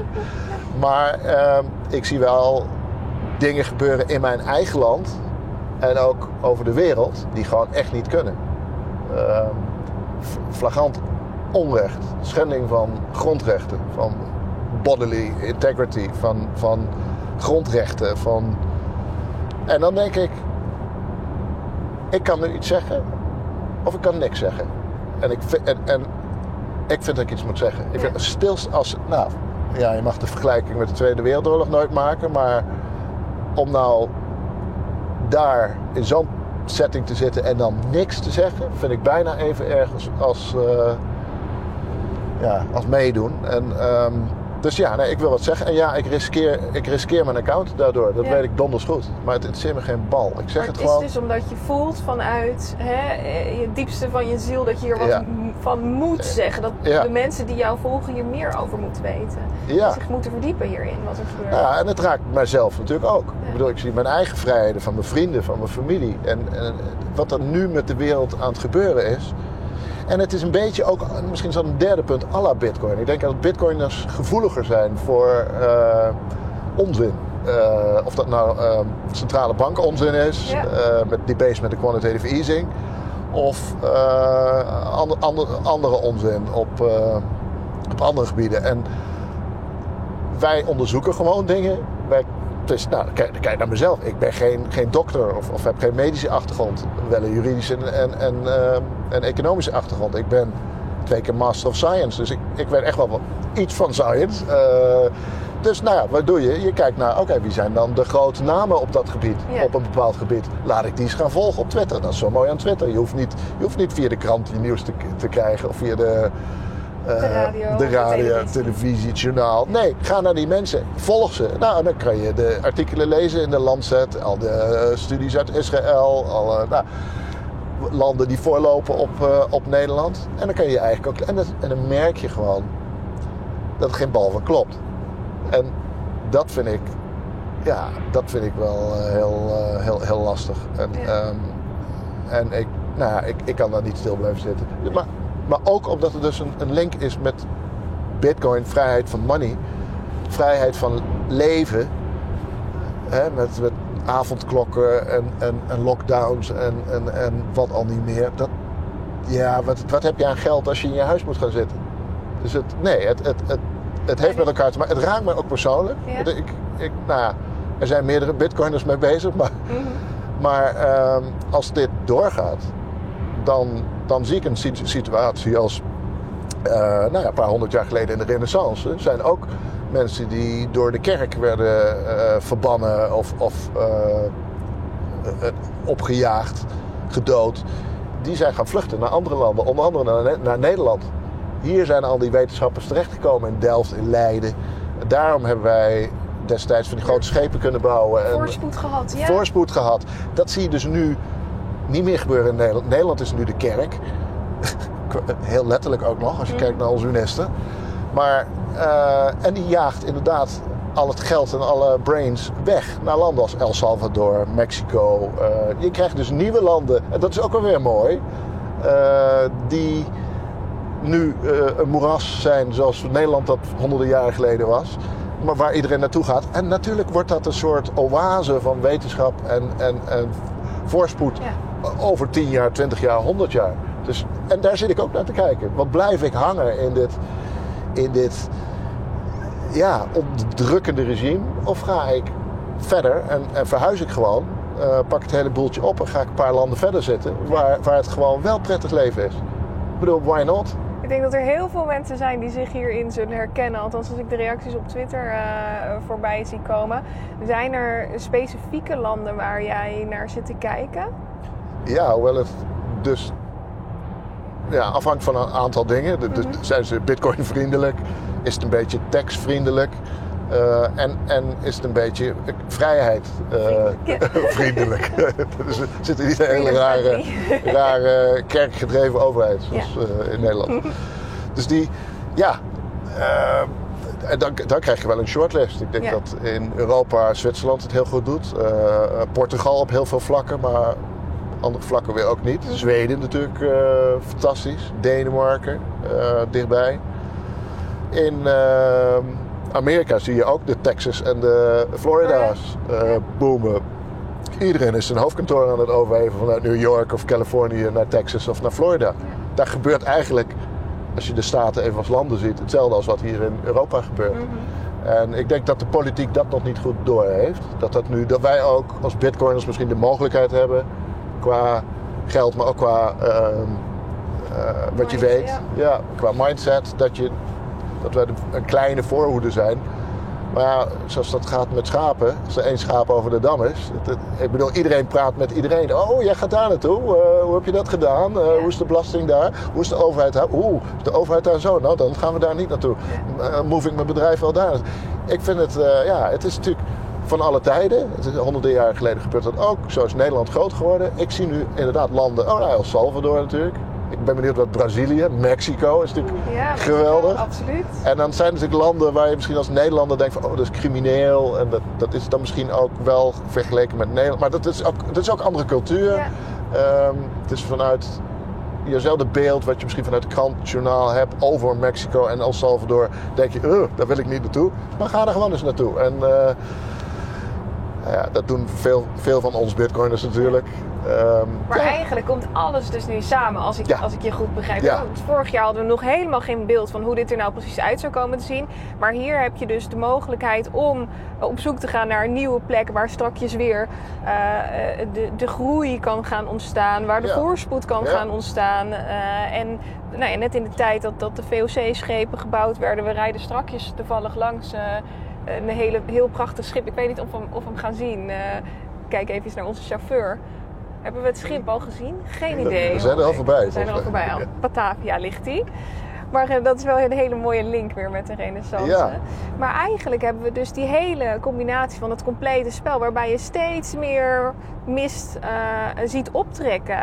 en eh, een klein beetje route voor jezelf kan gaan maken. Ja, en misschien is dat wel fase 5 en fase 6. Vijf, fase 5 is misschien de oorlog, Ja. waarbij alles kapot gaat. En waarvanuit dus ook eh, weer op iets nieuws opgebouwd moet worden. Ik wil het woord building back better niet noemen. Maar De wederopbouw. ja, de- en, en dan fase 6 is misschien waar, het, waar inderdaad landen als eh, El Salvador navolging krijgen. Waar een nieuwe eh, community ontstaat die misschien wel onafhankelijk is van landen. van geografische locaties. Eh, die, die- die dan die de wind in de zeilen krijgt. En ja, zo- dat is mijn hoop. Hoe zien die fases eruit voor Bitcoin? Nou ja, Model-wise. Eh, nou, dat is heel, heel, heel eh, boring eigenlijk. Dat is eh, ja, level, general, dus een, een level van 100.000 gemiddeld deze fase, 2020, 2024. Maar die gaat dan naar een miljoen per bitcoin in de volgende fase. En daar zit ook nog een, een, een, een- een- nou ja, afwijking in, toch? Want het zou kunnen zijn dat Bitcoin juist erbovenuit schiet. Ja, nee, zeker. Nou, sowieso is het een heel grof model. Dus Ja. het, het kan maar zo een factor 2 eronder zitten, zoals nu. Ja. Of een factor 2 erboven. En dat Eh, is een fors, fors verschil. Ja en nee. Ik vind nu, nu voelt... Ja, het hangt er vanaf in welke fase je zit natuurlijk. nou ja. Ja, als je in de fase van 100 dollar zit, dan valt het reuze mee. Nou, zoals nu moet, zou die 100.000 moeten zijn. Maar is die de helft lager? Is die 50.000 bitcoin Ja, in dollars? En, eh, maar hij had voor hetzelfde geld 200 kunnen zijn. In mijn wereld is dat dan eigenlijk hetzelfde. Ja. Of zit dat in diezelfde bandbreedte? Maar het voelt natuurlijk alsof 200, dat is echt wow, Bizar. dan is het model eh, valid en 50, dan is het invalid. Nee, het is hetzelfde, de range. En, maar misschien als je één fase teruggaat, de fase van, eh, laten we het no- 10.000 noemen, Ja. vorige fase. Was dat nou echt zo'n heel groot? Het was eigenlijk 7000, hè? Was het, dus dan zit je tussen 14 en 3,5, wat Ja. we ook zaten. Was dat nou zo'n groot verschil? Toen wel, maar Ja. nu niet. Nu, denk je, Nu denk je, 3,5, ja, joh. 14, waar, waar hebben we het over? het over? Ja, en da- dat is dus denk ik dadelijk ook weer. Dus als het een, een miljoen moet zijn, ja, tuk, het kan nog even terug naar 500.000. En dat voelt heel naar. En dat kan ook naar 2 miljoen. Maar dat is dezelfde orde van grootte. Eh, en, en ik ben dus in mijn hoofd inderdaad al veel meer. Naar fase 6 aan het kijken. Ja, de- ja dus de hele, al die discussies over dit en dat. En moet het geen 60 zijn of 90? Dan denk ik, ja, jongens, kijk, vier jaar later, volgende fase, zijn we misschien voorbij deze nasty fase. De oorlog noem ik het maar even. Ja. En zijn we in de, de nieuwe fase, de renaissance noem ik het maar even. En daar hoort dan een level bij wat tussen de 500 en 2 miljoen zit. 500.000 en 2 miljoen dollar. Ja. En dan denk ik, ja, wat, zit, wat zitten we nu dan over 50 of 100.000 of 200.000? Boeien. Ja, maar, ja, maar je wil wel dat het model klopt, want anders ga- gaat die Ja. fase 6 ook niet op Nou natuurlijk. kijk, als wij nu echt onder die 50.000 blijven hangen... en dan eens langzaam misschien naar 40, 30... wat eh, heel veel mensen denken overigens... Ja.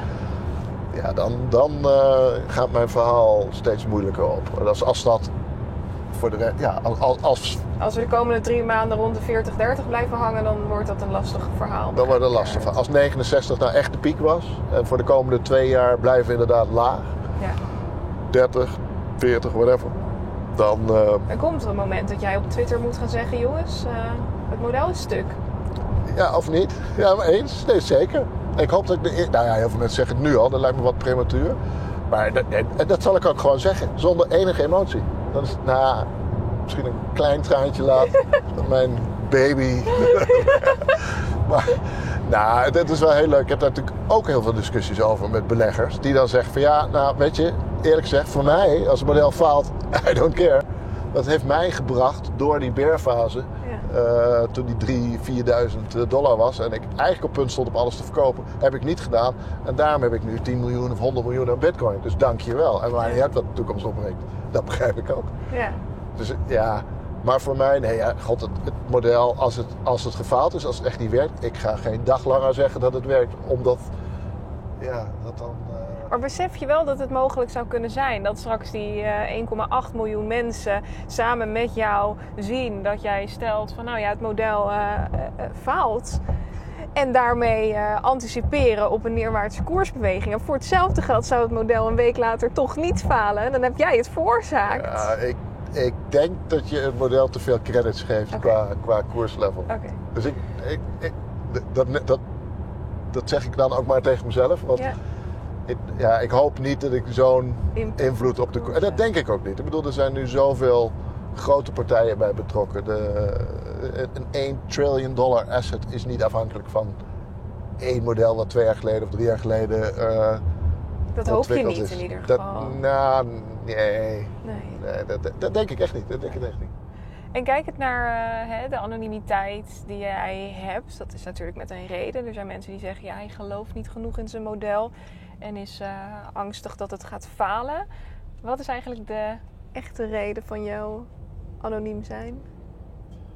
Ja, dat is het inderdaad niet. Ehm,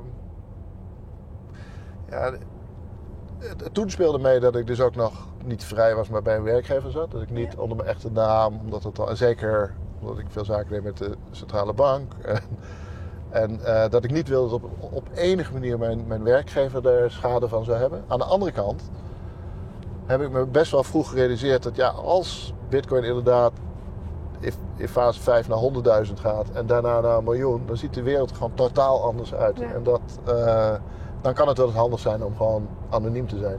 En niet eh, met name toename en overal op de cover van. eh, nou, dit, dit is dat. Ik voel me lichtelijk een beetje aangesproken. Nee, nee, oh nee, absoluut niet. Absoluut niet.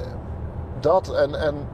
Maar ik ben ook in, in privé vrij eh, niet in de spotlights eh, figuur. Die eh, het heerlijk vindt om een restaurant binnen te lopen, niet herkend te worden. Ja. Gewoon lekker in een, Oh. in een hoekje te gaan zitten. Ja. Of, of ja, de privacy en de vrijheid die daarmee samenhangt, die, die waardeer ik enorm. En daar geef je ook enorm veel mee op hoor. Ik bedoel, je kan dan, nou ja. Je kan niet naar business- events. Ja, Nee, ook dat. Ja, dat, dat is misschien nog Dat wel lijkt me het wel moeilijk. Oh. Hoewel ik dat één op één wel doe. Ja. Maar toch, hè, dat je met een, met een groep staat op een borrel en met elkaar Ja. kletst over wat er allemaal Ja. gaande is, dat is iets wat niet kan. Nee, dat, daar, baal ik, daar baal ik wel van. Maar ja, het, het zij zo. Ik, eh, ik, En je bent nooit een keer anoniem undercover gewoon gegaan en gezegd: Hoi, ik ben eh, Klaasje. En Nee. eh, nee, nee, ik neem daar geen risico's mee. Nee. dat mensen misschien toch je stem herkennen. Ja, dat. Overigens is er nog één andere reden, die, of overweging die mees- meespeelde destijds. Wij, wij maken dit soort beslissingen wel heel expliciet. Dus met flips en eh, meerdere mensen erbij. Dus het, met advies en eh denken goed over na. Ja. Een van de andere reden. ehm, ja, die andere reden is dat ehm, Satoshi gaf daar natuurlijk het hele goede voorbeeld in. Het moet gaan over het, in mijn geval, model, over de argumenten en niet over wie ik ben. Ja, En ik was toen een institutionele belegger. En je ziet dat bij biljonairs of, daar wil ik mezelf niet mee vergelijken, maar of met de, de Elon Musks, de bekende figuren. Ja. Maakt niet uit wat ze zeggen. Dan, dan is het al waar. En dat wil ik juist niet. Ik wil dat eh, de discussie en het op de argumenten en op de inhoud en op de data gevoerd wordt. En niet over mij, wie ik ben, Maakt zou niet totaal uit. niet interessant moeten zijn. ja. Ja, en des te knapper dat plan B aan zich een behoorlijk bereik heeft gecreëerd, ondanks dat hij anoniem is. Ja, Denk je nooit erover na om die anonimiteit te verlaten? nooit. Never. En om juist uit de spotlight te stappen als plan B zijnde? Dat wel, ja, nee, zeker. Dat going dark, dat denk ik dagelijks aan. Dat lijkt Ja. mij fantastisch. Om dan gewoon te verdwijnen en niets meer.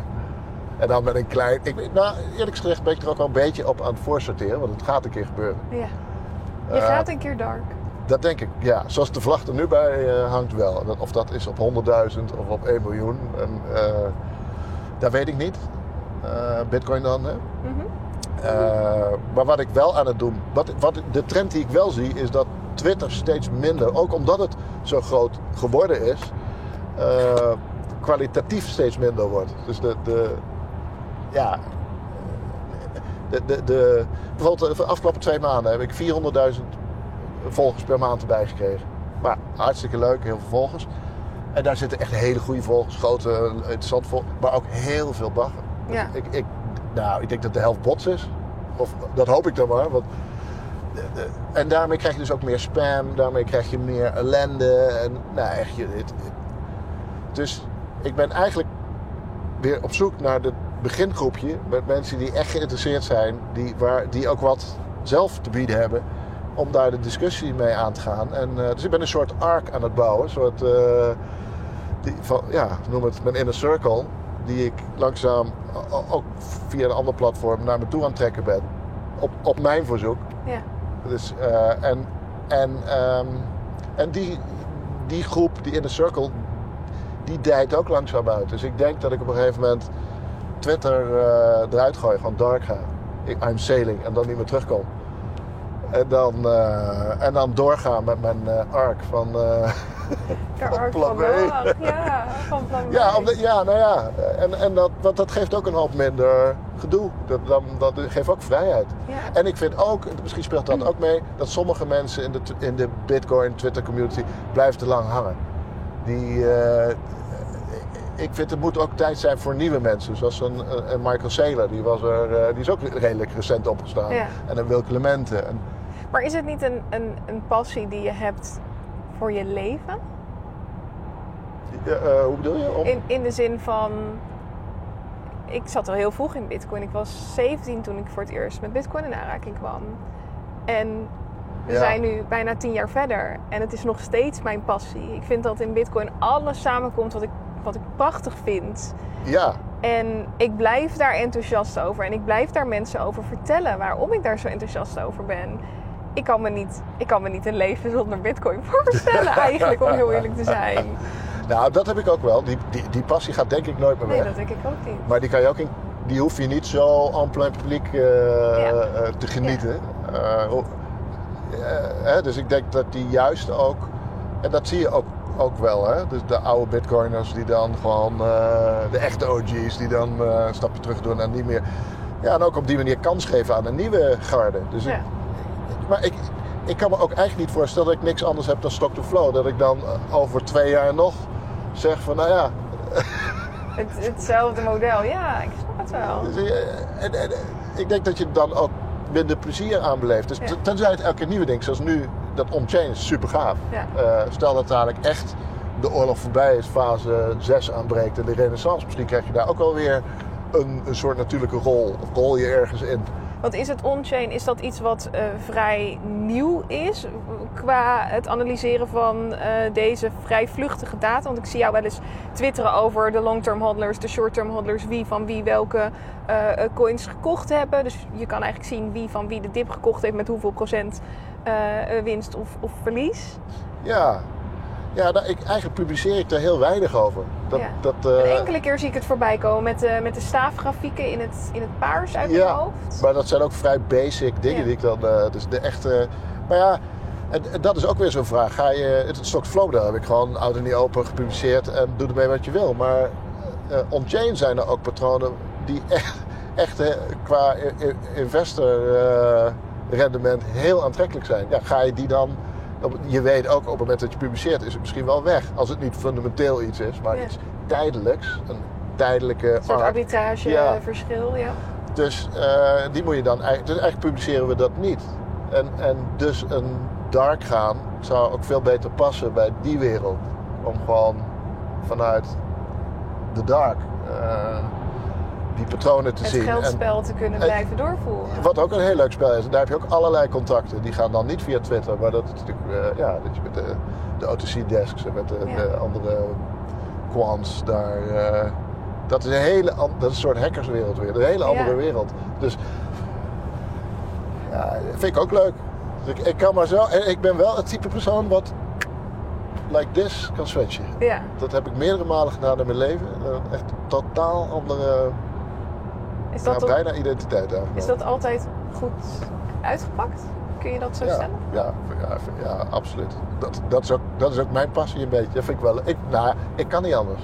Ik vind iets gaaf, dan ga ik ervoor. Ja. En dan, eh, nou ja, wie meegaat, die gaat mee. Maar, en dan vind ik iets anders gaafs. Dan, dan kan ik heel lang dat beide doen. Maar op een gegeven moment wil je gewoon klaar? door. Je Ja. door, ja. En het, het on-chain, kun je daar iets, ons iets nog iets meer over vertellen? eh, in de zin van wat voor tools je daarvoor gebruikt. Stel dat mensen hier meer over willen, willen leren of willen lezen, waar moeten ze dan terecht? Hè? Want dat hebben we bij het Stock to Flow model ook gehad. Dat was natuurlijk jouw paper die je daarover schreef. Maar on-chain zit dus heel veel potentie in, waar je Ja. zelf wat minder over publiceert. Maar waarvan mensen misschien wel denken, hé, hey, Ja. doe je meer mee? Lijkt me leuk. Ja, het, eh, de meeste om het makkelijkste om te beginnen is gewoon een abonnement op eh, Glassnode of eh Coinmetrics. Heeft ook eh, heel veel eh, koersdata en, Ja. en dingetjes. Er zijn ook wel andere wat kleinere accounts die heel veel gratis on-chain data geven. Ja. Maar ik denk dat Glassnode de, de, de meest bekende is. En daar kan je eens gaan kijken. Dat is ook voor een deel gratis. Wat zijn dan die patronen? En wat kan ik daar al uithalen? Kan ik dat eens in mijn technische analyse gooien?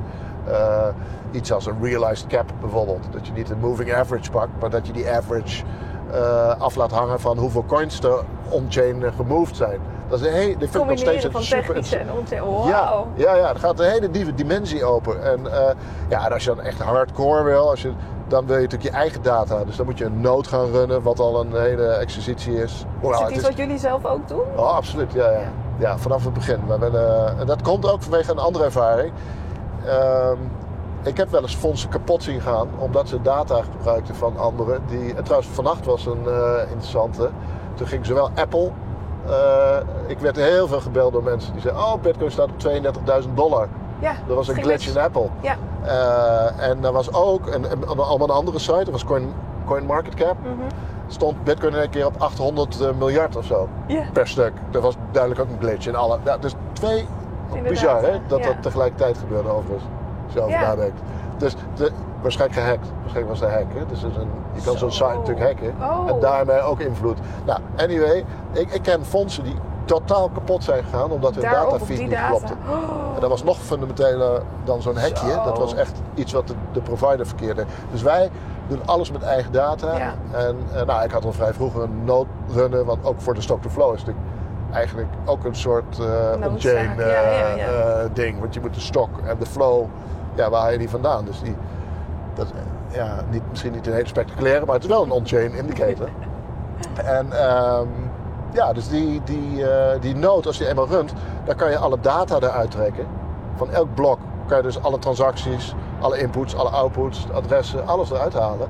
En dan kan je dus een soort database gaan aanleggen van, eh, oh, eh, dit zijn bekende exchanges, dit zijn miners. Want dan gaan de eerste, dan gaat de, de bloksubsidie naartoe. Ja. Nou, dan zie je die adressen. Dus die kun je eigenlijk al nummeren. Je kan al zien, deze adressen, dat zijn de miners. Ja. Dit zijn de, de, grote, eh, de, de, de grote hodlers, zeg maar, om het maar zo te stellen. Ja. En die kun je allemaal gaan linken en dan kun je gelijk transacties Ja. gaan bekijken. En je kan zien van, oké, dit adres, eh, is dat een grote of een kleine? Hoeveel staat er? Oh, er staan eh 10.000 bitcoins in. Wie zou dat? Is het een exchange? Nee. Is het een miner? Nee. Wow, wie is dat dan? Ja. En, en zo kan je... En, ja, dus je kan, je kan heel veel leuke patronen eruit halen. Feitelijk gezien zou je zelfs nog kunnen nagaan wat de wallet is van eh MicroStrategy, bij wijze van spreken. Oh, absoluut, Of ja. van een Elon Musk, omdat zij natuurlijk openbaar bekendmaken wat hun aankoopbedragen zijn geweest en Ja. hoeveel, et cetera, Ja, nee, die kan je zien. Nee, Je, je weet ook dat ze via Coinbase hebben gekocht, Ja. OTC. Dus eh, nee, ja, eh, en bijvoorbeeld ook eh, Mount Gox. Die hele geschichte kan je dan, en wat ze nou gaan doen. eh, dat zijn allemaal hele interessante dingen. Maar je moet dan wel grote computers hebben. Dus eh, die, die databestanden, de, de, de blockchain is, is 400 Heel zwaar, ja. Ja, dan trek je dus iets uit wat waarschijnlijk nog groter is. Met allerlei aparte Ja. eh, data die je nog toevoegt. Dus je moet wel computers hebben die dat, die dat aankunnen. En dat zijn er niet veel. Dus dat zijn ja, heel veel RAM-geheugen moet je hebben. Dus we hebben computers met eh, ja, 1 terabyte aan, eh, aan RAM-geheugen.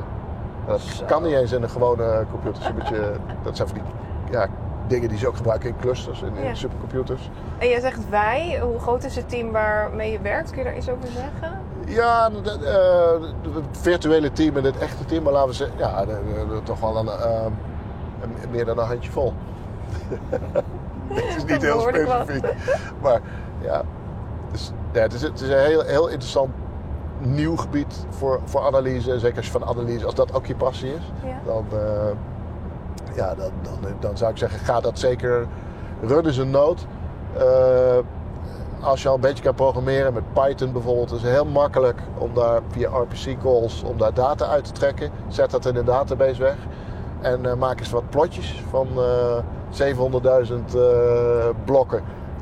Bijvoorbeeld het aantal inputs. Of, nou ja, begin, klein en laat je inspireren door alle mensen die daarover publiceren. Heel gaaf. Ja, Ja, ontzettend cool. En nog even terugkomend, hè, want je zei helemaal in het begin al, we hebben dan de technische analyse, daar is dat floor model dan een onderdeel van. We hebben de on-chain analyse en daarnaast hebben we dan eh, de fundamentele analyse. Die drie verschillen van elkaar, die zet je uiteen. En op het moment dat nou één van deze eh, verschillende meetmodellen een, een rood signaal geeft of zegt van eh, hier, hier gaat iets niet goed. Wat, wat gebeurt er dan? Want je zoekt natuurlijk naar confirmations. Ja, nou, je zegt het goed. En, eh, en dat is precies wat we doen. En, en wat eigenlijk alle institutionele beleggers ook doen. Dus Ja. dat je niet naar één ding kijkt en dan zegt van, oh, het is invalid of het is nu kapot. Nee. De, eh, of een journalist moet ook twee sources hebben. Mhm. Want één source is geen source. Dus ja, nou ja, dus nu bijvoorbeeld ehm, het floor model heeft één maand, heeft november die 98.000 niet gehaald. Dan gaat hij van mij bij wijze van spreken van groen naar geel. Het is een signaal waar je wat mee moet doen. Aan zich is dat één signaal wat dan van groen naar geel gaat. Maar er zijn ook nog stock to flow. Er zijn eh, al die andere modellen, on-chain.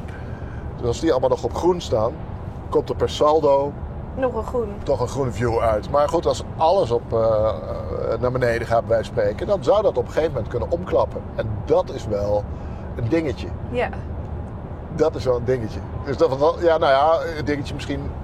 eh, voor, voor iedereen kan dat zo doen. En dan moet je iets. Hè. Dan moet je misschien een, eh, je exposure gaan afbouwen. Of je moet natuurlijk een soort beleggingsbeleid op basis van die Ja. signalen gaan maken. Maar heb je dat op voorhand al? Als dit rood is en dat en dat groen of oranje of geel? Of... Ja, ik heb wel. eh, ik vind dat je dat Daar op voorhand moet wel. doen. Want, Ja. ander- want op het moment dat zo is, dan zit je in je emotie. Dan, Ja. dan zit je of in de greed of in de fear die op dat moment op Precies. Twitter en in de markt heerst. Ja. Daar moet je uit. Je moet soeverein daarvan kunnen. Dus, dus nee, ja, dit- dat bepaal je van tevoren. Maar bij mij speelt er natuurlijk iets extra's mee. Dat op het moment dat je rood zou knallen, dat, daar moet ik dan niet over gaan tweeten of wel, maar dan, ja, wat, ja. wat, of eerst daar hadden we het net natuurlijk over. niet. Ja. ja. ik ik denk dat het wel meevalt, maar er zijn mensen die denken dat het niet meevalt. en wat doe je daarmee? En er zijn ook mensen die zeggen van nou, wat er ook gebeurt.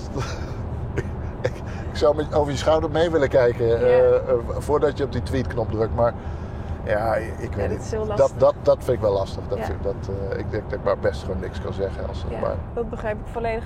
En kijkend naar eh, hè, jouw visie op de, op de toekomst. We rijden nu toevallig richting een heel erg mooi shot waar de zon zo tussen de wolken prachtig naar beneden schijnt. En eh, het ziet er mooi uit. Als we kijken naar jouw visie op de toekomst, heb je dan een rooskleurig idee in gedachten? ja, want ik kijk naar die renaissance waar ik heilig in geloof. En Ondanks dat we nu in die storm zitten. Ja, en ik wees, ik, er komt geen renaissance zonder oorlog. Of zonder revolutie of zonder iets naars, iets nasties. Daar zitten we nu middenin en dat kan iedereen zien. Ja. Eh, en en ja, daar moet je gewoon een beetje mee omgaan. En eh, dan is het lekker dat je een virtuele wereld hebt waar je ook een beetje in kan escapen. Eh, wat landen die nog wel vrij zijn, waar je naar kan escapen. Ehm, maar nee, mijn ogen zijn gericht op, de, eh, op, de, op, op fase 6, op de renaissance, op eh, koersen die niet meer 50 of 100 of 200, maar ja, echt weer een nulletje erbij eh, zijn. Ja. En dat vind ik vele malen interessanter dan nu. En kijk je dan alleen naar de koers of kijk je ook naar dat wat er dan omheen plaatsvindt? Eigenlijk ben je constant eh, bezig in het nu. Constant aan het kijken met hoe kan ik mijn modellen optimaliseren en, en wat zegt dat voor de toekomst mogelijk. Maar kijk je ook naar waar kan ik een mooi leven voor mezelf opbouwen en Ja. hoe wil ik dat het eruit ziet. Ja, ja dat. Heb je nog iets wat je de kijker graag mee zou willen geven? Op het moment dat je dit luistert en dat je denkt, ja, bitcoin. Ja, ehm, hou een open blik, onderzoek lekker veel zelf. En, en ook als je in een positie zit waar het misschien even niet fijn is. In een land als eh, Oostenrijk of in een land, al, eh, waar, maakt niet uit waar ter wereld, waar, waar, waar het even niet fijn is. Eh, Er is hoop, eh, er zijn mogelijkheden. Eh, creëer je eigen mogelijkheden. Onderzoek eh, eh, bitcoin, beleggen in bitcoin. Dat creëert wat financiële eh, vrijheid. Eh, volg mensen op Twitter die je interessant vindt. Ehm, en ja, je, je, je, je zit aan je eigen, aan, aan- je eigen stuur van je eigen boot als het ware. Jij kan, jij kan bepalen. Dus, dus ja, doe iets met je passie. En volgens mij kan je namelijk heel snel van, vanuit het niets naar iets gaan. En ik heb dat bij mezelf natuurlijk ook gezien. Dat vind ik nog steeds bizar. Hoe snel je van 100 volgers naar, eh, naar 1 miljoen volgers gaat in, in, in drie jaar. Ja, volgens mij als jij, als jij iets nieuws hebt, iets onderzoekt... je bent al snel de enige die dat gedaan heeft. Mhm. Omdat er zoveel is. Ja. Eh, publiceer daarover en, en, en kijk... Deel het. Ja, deel het. En ik vind die hele nieuwe creator economy... ik denk dat dat een onderdeel gaat worden van die fase 6. Eh, waarbij ja, arbeidsverhoudingen, zoals, Zoals we die nu kennen, misschien wel heel anders eruit gaan zien. ja, meer remote, meer eh, ja, creator economy achter. Ik, vind het, ik ben daar een beetje ingezogen door Bitcoin. Eh, maar ik vind het wel een hele gave wereld om te zien. Heel En daar ben jij natuurlijk ook een, een, een heel mooi voorbeeld eh, van. Ja, Ja, ik vind het ongelooflijk tof hè, om deze content te maken en om die bij het publiek te brengen in begrijpbare taal op een manier dat eh, zoveel mogelijk mensen eh, hier hun voordeel mee kunnen doen. Dat is ongelooflijk belangrijk. En ik Ja. denk ook dat eh, deze content vrij complex is. Hè? De, de rekenformules die jij maakt, hetzelfde met hoe ik de hele macro-economische markt eh, probeer te analyseren. Om dat op een behapbare manier bij de gemiddelde Nederlander te brengen, is echt wel, eh, wel, wel, wel lastig soms. Maar wel heel erg belangrijk. ja, en je moet het doen. Je moet het, je moet het ook maar even doen. Ja, Dus het, en jij doet dat, ik doe dat op mijn manier. Maar iedereen kan iets doen ja op zijn ding waar hij goed in is of waar hij passie in heeft. absoluut.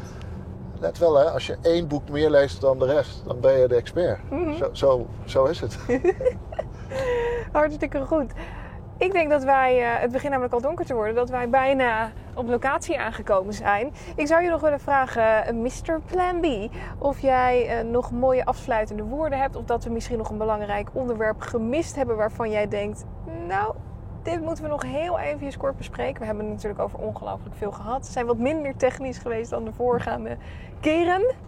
Ja, de vorige keer dat jij dat vroeg, begon ik een heel uitgebreid verhaal over die renaissance. Ja, dat, dat zal ik nu niet doen, maar die, eh, nou, waar we het niet over gehad hebben is... eh, we hebben het gehad over het model, voorspellingen en de fase, renaissance. En, eh, maar is, is het stukje passief inkomen op bitcoin, wat mij ook enorm intrigeert. Dat zijn de, de hè, we hebben het vorige keer wel een beetje over gehad, maar futures cash, cash and carry strategy Ja. of met opties, de volatility die blijkbaar toch niet weg is. Hè, want we hebben min 50% gehad. absoluut. Gaan misschien in de opties ingeprijsd zit nog steeds eh 80 tot 100% volatility. Ja, volatility is ook een asset. Je kan het zien als een asset. En, eh, en daar dus in beleggen, long en short in gaan. Ehm, ik vind dat ongelooflijk interessant. Je kan daar inderdaad gewoon rendementen van 10 tot 40% per jaar mee halen. Ehm, En hoe moet Zonder- ik dat dan voor me zien? nou, door, door eh, bijvoorbeeld één bitcoin long te hebben en die eh, future één jaar later te verkopen. En Ja. daarmee op dit moment is maar 10%, maar 10% binnen. Maar 10%, Maar zeg ik. Hè. 10%. En vroeger ging je dan op een schild de gang door. Als Ja, je 10, ja, hè, 10%. Institutionele beleggers 4%. Ja. Nou, dan, dat, dan heb je het echt gehad. Ja, Dus ehm, nou, dat, of opties, dat je die bitcoin hebt en je schrijft een call optie erop. Eh, moet je altijd gedekt doen, anders ga je, kan je natuurlijk helemaal kapot gaan. Je moet echt wel weten wat je doet. Maar nou ja, dat, dat, daarmee kan je veel meer verdienen. 20, 30, 40 procent soms. Dat zijn wel rendementen die zoveel beter zijn dan het traditionele systeem. Maar ook wel weer heel veel lager dan waar wij als eh, oude bitcoiners aan gewend zijn geraakt. Ja. Eh, hè, en waarom je ook die voorspellingen doet. Maar er is dus een hele wereld naast puur long gaan in bitcoin. Ja. En voorspellen waar die naartoe gaat. Of misschien nog meer dan buy and hold. mhm. Maar er is ook één stapje terug. Namelijk eh, dat enorme vacuüm tussen eh, de traditionele wereld en de bitcoin-wereld. Waar nog 10 tot 40 procent aan rendement gewoon bijna risicoloos te halen is. Oprapen ligt En bijna, ja. En, en ook in, ja, in termen van mijn brugfunctie tussen plan A en plan B, denk ik dat dat de meest concrete hoek is waar, eh, waar ik in ieder geval resonantie zie Ja. in die hoek. En, ehm, Maar als ik het goed begrijp, is dat wel vrij complex. Het is vrij complex, maar ja, daar komen dan die, eh, die algo's weer om de hoek kijken. Je kan dat Ja. natuurlijk eh, automatiseren. Ja. Dus je, zou daar een soort machientje kunnen bouwen wat...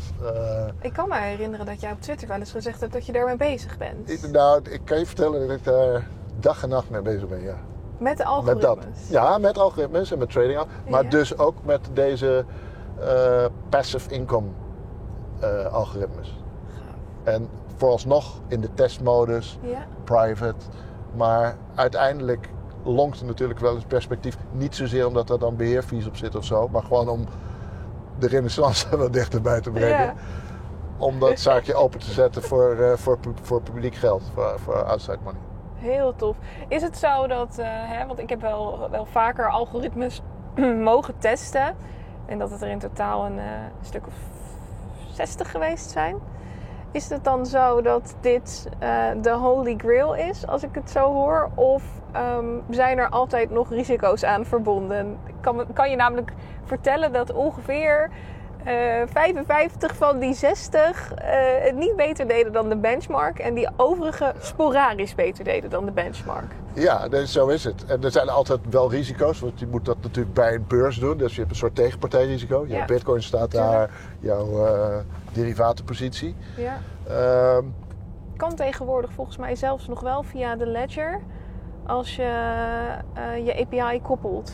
Maar dan is, heb je alsnog een, een, eh, relatief risico. ja, ja, je ziet de, de custodian, de escrow-achtige sfeer. Ja. Komt er ook, daar, daar wordt wat op verzonnen. En je kan het ook repliceren voor een deel. Dus je kan een optie kopen, maar je kan ook met delta hedging opties eh, repliceren. Maar dat is Ja. een beetje de kwanthoek dan. Dus dan, dan hoef je, heb je helemaal geen beurs nodig om hetzelfde risico-rendementprofiel te, te krijgen. Ja, maar inderdaad, ik denk dat dat de holy grail is. Misschien nog wel meer dan voorspellen. En eh, buy and hold. En, en ook, ja, eigenlijk die ultimate arbitrage tussen fiat en bitcoin. Dus Ja. dat dat de versnelling gaat brengen die we, die we nodig hebben. En daar zou jij dan onderdeel van zijn, als ik het goed begrijp. Ja, ja, ja, ja. En wat, is mo- wat zou er mooier zijn? Kijk, je kan dan een fonds oprichten met eh 220 of whatever. En dan eh, daar rijk van worden of zo. Dat, dat, daar gaat het me helemaal niet om. Het lijkt mij veel leuker om dat bij wijze van spreken decentraal te doen. Ja. Dat je dat anoniem of zonder, gewoon met een druk op de knop. En dat je inderdaad dat, dat nou we gebruiken daar die black hole eh, foto Ja. wel eens voor als, als, als eh, metafoor. Dat je het hele fiat systeem op die, op die manier eh, omlegt. En dat eigenlijk iedereen hierin kan participeren die dat wil. Ja, ja. Van jong naar oud, van, van waar je ook woont, maakt niet uit. Dat zou, dat zou, eh, ja, een dat- heel mooi onderdeel kunnen zijn van fase 6. ja hoor. ik denk dat ze je dan heel erg graag eh, gaan opzoeken eh, als Ja. het gaat over de huidige mensen die bij de ECB en de Federal Reserve werken. Want dat zou wel eens een trigger kunnen zijn voor een mega systeemrisico. Extra reden om misschien wat... Tegen die tijd wat rustiger aan te gaan doen. Nee, nou, ik ga er graag over in gesprek met, met zowel de institutionele beleggers als ook mijn oude werkgever. Ja. Daar heb ik dit gesprek, eh, soort gesprekken gevoerd. Als eh, de toezichthouders. Want ik denk, ja, ik denk ook niet dat je het kan tegenhouden. Je kan het wel in goede banen leiden. Ja. Ik denk dat, dat, wel, dat daar ook wel een rol ligt. En voor centraal bankiers ligt daar dan ook nog een rol in? Of denk je dat die gewoon uitgespeeld zijn en dat... eh, Ja, Ja. In, in de, ja, de, de lange termijn zijn, zijn ze wel uitgespeeld. mhm. Ik denk dat ze dat zelf misschien nog niet doorhebben of wel. Ze beginnen, ze beginnen al lonkend naar andere thema's te kijken als klimaat en zo. Van, ja, we zijn helemaal niet voor monetaire stability. We zijn er voor het klimaat. Nou, en, ehm, dus maar nee, eh, ik, dus ik weet niet wat, wat hun rol is, maar ehm, ik denk wel dat die, die, die arbitrage die er nu ligt met rendementen van 10 tot 40 procent en de, de echte wereld, waar, de traditionele wereld, waar alleen nog maar lage rendementen zijn, dus zelfs negatieve rentes, ja. dat is niet iets wat heel lang zo blijft. Want dan gaat natuurlijk, ik ben zeker niet de enige, iedereen zit er toch naar te kijken van hoe kan je daar. Maar je hebt daar eigenlijk een soort briljant inzicht, uitvindingetje nodig. à la Bitcoin of Lightning. Of, hè, maar daar bovenop noem het. Mhm. nou, ik, ik, ik noem het wel spot en DeFi. Dat is de echte DeFi. Ja, absoluut. Eh, en ehm, ja, dat, die markt volg ik op de voet. En, en wij zijn daar natuurlijk ook ja, zelf fors mee bezig. En ik denk de, degene die mij wat, wat eh, nauwgezet volgt, die, ik heb daar wel over getweet ook een beetje, dat we een aantal algoritmes eh, in de markt al gezet hebben en al een beetje aan het testen zijn met eh, outside money en hoe dat gaat. Maar het, het, het is allemaal nog in de testfase. Ehm, totdat de echte ja, mother of all algorithms eh, daar is. En als we die dan live gaan zetten eh, voor de hele wereld, dat is ook nog zoiets. Hè? Je kan niet, je kan in Nederland wel iets live zetten, maar ja, dat zijn 17 miljoen mensen. Of in Europa, maar 80% van mijn volgers zitten in de US. En dus het mooiste is, hoe zet je het in de wereld? Wereldwijd decentraal. Maar zoveel bedrijven zijn natuurlijk ook weer niet die wereldwijd opereren. Zoals Nee. een, Amazon of een... Nee. eh, en zeker qua beurzen. dus je, Daar zitten nogal wat haken en ogen. heel veel technische API-achtige Ja. met al die beur, het is een heel eh, gedoe. En ook natuurlijk, hè, op het moment dat je een algoritme introduceert, dan kan dat tot een bepaalde hoeveelheid prima werken. Maar op het moment dat er meer geld in de markt komt, dan zou het best eens kunnen dat dat minder goed werkt. Absoluut. Absoluut. Maar dat is dan het effect waar je, waar je voor gaat. Dus waar we nu nog bij wijze van spreken eh, in zitten om te, nou, die algoritmes te laten eh, renderen, Mhm. eh, zou je dan gaan voor eh Fully focus, eh hyper-bitcoinization. genadeschot. Ja. ja. Heel gaaf. Mr. Plan B, ik wil je ongelooflijk bedanken weer. Ik zie dat wij eh, nou, er bijna ongeveer zijn. Ehm, jij hebt je laatste woorden met ons gedeeld. Zouden we nog kunnen afsluiten met één allerlaatste positieve eh, side note voor de mensen die eh, nu denken... Nou, fantastisch dat ik dit verhaal over Bitcoin heb mogen horen. Ik kan me heel erg gaan inlezen in eh, alle informatie die je nu eh, met ons gedeeld hebt. Maar die misschien ook nog wel een beetje in mineur zitten als het gaat om eh, hè, de storm waar we nu middenin zitten. Wat zou jij met die mensen nog willen delen? Het, hou moed. Alles is eindig. De, dus ik, ja, uiteindelijk zijn er zoveel dingen in beweging nu. Het gaat goed komen. Ja. Eh, hou vol, wees sterk.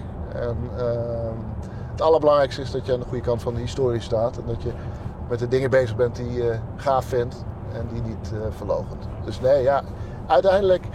Ik denk eerlijk gezegd dat deze zomer wel weer gewoon langzaam een opmars wordt naar, naar, naar mooie dingen. Daar gaan we voor. Ik hoop dat we volgend jaar eh, opnieuw ergens op de wereld in een auto kunnen zitten en eh, dit interview eh, nog een keer kunnen doen. En dat we dan heel positief terugkijken op het afgelopen jaar. Gaan we doen. Een boot vind ik ook goed. Boot. Hartstikke goed. Voor nu eh, ongelooflijk bedankt. De kijker natuurlijk ook super bedankt voor het kijken. Laat ons ook even weten wat je van deze video vond. Doe dat door middel van een duimpje of een reactie hieronder in de reactiesectie. En voor nu wens ik je natuurlijk een hele fijne week. Ik zie je graag weer terug bij de volgende Madelon Navigeert of Amanda Praat. Dag! Bedankt voor het luisteren naar deze podcast. Vond je deze podcast leuk? Vergeet dan niet een review achter te laten op Apple Podcast. En deze podcast te volgen op Spotify of te delen. Zodat je geen enkele nieuwe podcast mist en anderen deze podcast makkelijker kunnen vinden. Als je meer wilt leren over deze onderwerpen, dan kun je me volgen op Instagram of op YouTube. Voor nu, veel liefs en tot de volgende Madelon Navigeert.